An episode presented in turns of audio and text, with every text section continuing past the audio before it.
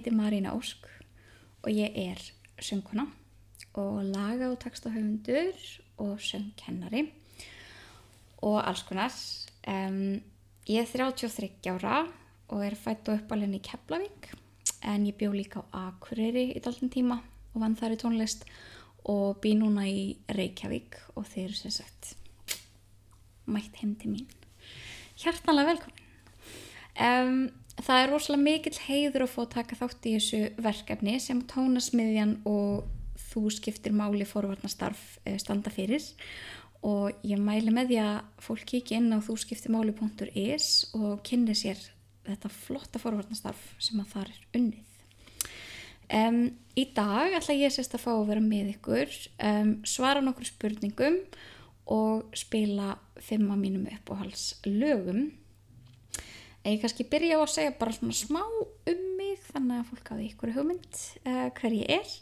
En ég sérst já, heiti Marina Ósk og ég sérst byrjaði í tónlist þegar ég var kannski svona 6 ára. Það reyndir ekki rétt, ég byrjaði ég var svona tvekja háls þegar mamma rétti með blokkflötu og kendi mér að spila. En ég lærði sérst á þverflötu í tónlistaskóla Reykjanesbæjar sem hétt á Keflavíkur. Og uh, átti líka við komu í FIH sent og síðan meir. En ég sérst byrjaði raun ekkert að syngja fyrir ég var kannski svona úlingur þá byrjaði að syngja einhverju viti. Og um, svo spilaði ég líka reyndar á piano og bassa og gítar. En ég kæfti mér sérst svona ukulele bassa fyrir eh, nokkru mánuðu síðan. Og þið fóðu að sjá smá af, af því og eftir. En eh, ég hef svona mest haldið mig jazzmegin í lífinu síðustu kannski fimm árin kannski 5-6 árin, ég er búin að vera erlendis um, að læra jazz og búið bæði í Hollandi og Svíþjóð. En ég líka syngja rosa mikið, þú veist, brúköpum og er í alls konar verkefnum þannig að ég er ekkert, ekkert einskorðið við jazz og ég sem líka rosa mikið á tónlist og textum, elska sem ég texta. Um, og sem í raunin bara alls konar. Veist, það er ekkert eitthvað eitt Um, ég hef gefið út fjórar plötur. Um, fyrsta platan sem ég út kom át árið 2017 og hétt Beint heim og það var djastúttir Marina og Mikael sem út þá plötu en uh, ég vann þá plötu með gítarleikarunum Mikael Mána Ásmundsinni. Um, það vil svo til að hann hefur spilað inn á allar plötur sem ég hef gefið út. Plata nr. 2 sem ég gaf út heitir Atkvarf og er mín fyrsta soloplata kom út 2019 um, og Mikael spilaði þar líka um, og svo mánuði og hálfum eftir þá útgafu sem var í oktober uh, þá kom út jólajazzplatan Hjörtun okkar jóla sem ég gerði með jazzsöngun Stínu Ágústóttur og Mikael Mónásmundsemi og svo núna í november síðastlegum kom út plata sem að heitir Tendra með samnendri hljómsveit sem að um, ég og Mikael Máni uh, stendum fyrir og uh, þar er að finna tónlist bæði eftir mig og eftir hann. Og við viljum að spila smá af því á eftir. Uh, Fyrsta lagið sem að ég ætla að fá að flytja fyrir ykkur er lag af fyrstu plötunum minni Atkvarf um, sem að heitir uh, meðan höndin mín í hendi þinni kvílir um, þetta var svona í, í rauninni var þetta lag kveikjan að plötunni. Þetta var svona fyrsta lagi sem ég samti í þessum stíl og ég var að leika með með svona open tuning á gítarnum eða þú veist ég stilti gítarinn í bara open hljóm þannig ég breytti stillingunni og uh, þetta lag í rauninni var til. Já, uh, sem sagt við erum ættingað og þetta er Mikael Máni Ásmundsson hann ætlar að spila með mér í dag. Já, hér er meðan höndin þín höndin mín, ég hendi þinni kvílis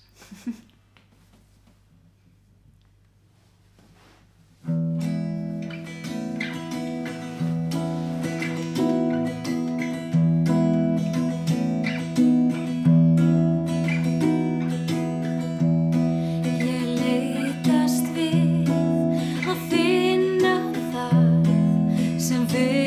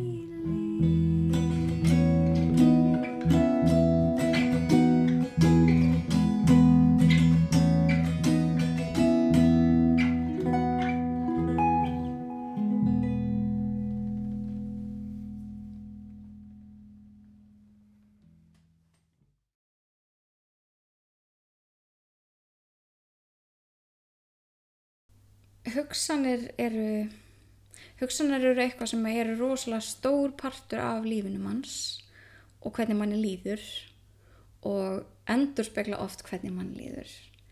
Um, það er alveg merkilegt hvað ein neikvæð hugsun um, getur látið manni líða illa og svona getið af sér fleiri neikvæðar hugsanir og um, það getur alveg kosta orku að stoppa þær hugsanir og reyna að setja í staðin jákvæðar eða, eða fallegar hugsanir. En manni líður betur og þess vegna held ég að sé rosalega mikilvægt að bara þú veist, já, vera vakandi fyrir hvað er í gangi í heilanum hans. Hann er stundum sangjart og stundum ekki. En ég held að svona aðalatrið er að muna að allan fyrir mig að það eiga allir rétt á að hugsa fallega til sín. Það er það er bara sjálfsagt og bara mjög mikilvægt að vita. E, næsta lag sem að e, ég ætla að fá að flytja fyrir ykkur er lagið í fjarlægð. Um, eins mikið og ég myndi vilja þá get ég ekki státa með því að hafa samiða um, en þetta er svona eitt af þessum íslensku gimsteinum sem að svona lifa og um, mér finnst þetta lag alveg dásamlegt. Þetta er svo fallegt og þessi texti er svo hann er svo flottur. Og sagan á bakvið lagi er rúslega fallið líka. Hvert fólk til að kynna sér það. En þetta er svona ástar það er ástarfílingur í þessu. Svona sönn, sönn ást einhvern veginn. En hér er lagið í fjarlægð. Þig sem í fjarlægð fjöllin bak við tvelur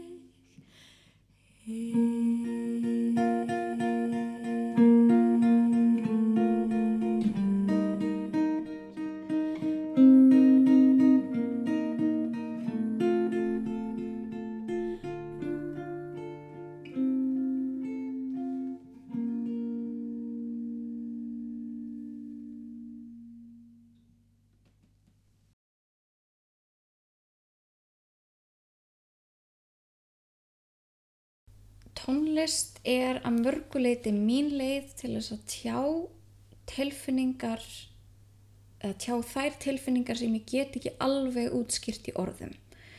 Um, tilfinningar sem eru kannski sárar eða duldar eða þú veist, jafnvel veita mér rosalega mikla hamingu eða eitthvað þannig. Um, en eru svona einhvern veginn innst inn í manni og það er svona eitthvað sem maður bara finnur en það er einhvern veginn ekki til orð yfir það og stundum, stundum er alveg nóg fyrir mig að setjast niður með bara hirtnatól og bara hlusta á tónlist bara til þess að komast í tengingu við þessar tilfinningar af því það eru alltaf djúft inni og alltaf erfitt að komast til þeirra. En um, mér finnst líka rosalega gott að semja uh, og semja sérstaklega texta eða ljóð þegar mér svona líður eitthvað mikið og fá þannig í rauninni svona smá útrás. Og síðan er það í rauninni oftar en ekki fyrir en ég fer að syngja ljóðin eða sett laglínu við textana eða eitthvað þannig að þá í rauninni byrjar þetta allt saman að fílast rétt og þá finnst mér ég geta tjáð hvernig mér líður. Um, ég er eiginlega vissum að ef ég hefði ekki tónlist þá uh, verð ég löngu svona sprungin úr bara svona uppsöfnuðum tilfinningum. Uh, já. Uh, já næsta lag heitir Samtal við sólu og er að finna á fyrstu blötunum minni Atkvarf og þetta lag e, útsettu við Mikael eða saman, hann fann upp á þessu geggjaða grúfi í byrjun. Og ég samti þetta lag þegar ég var stöðt út í Amsterdam á kaffehúsi og það var alveg bara 27 steg hitti og ég voru okkur að koma með sólsting og var svona ímyndið mér eh, hvernig það væri ef ég væri að tala við sólina. Já, ok, því svo vel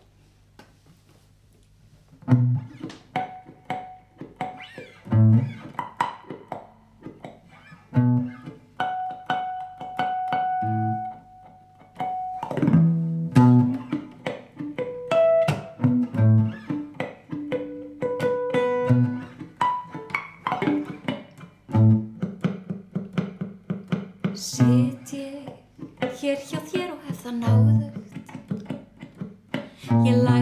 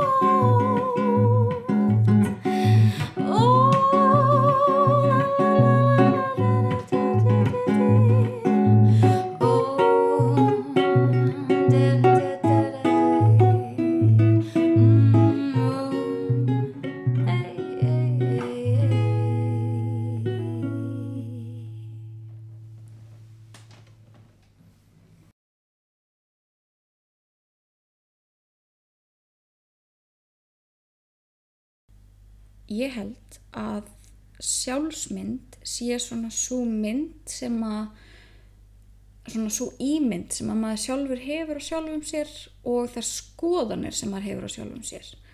Og ég er eiginlega vissum að sjálfsmyndin er ekkit endilega alltaf raunhæf og ekki alltaf sangjöld en hún getur verið raunhæf. En hún getur líka verið algjörl út í kortinu. Um, ég held að sjálfsmynd sé eitthvað sem er eitthvað sem er sífælt í vinslu og bara vegna þess að maður er með vissa mynd af sér á þessu augnabliki þá þýðir það ekki að það sé þannig alltaf eða að það sé bara svona stimpill heldur getur alveg verið að það sé bara augnabliki núna.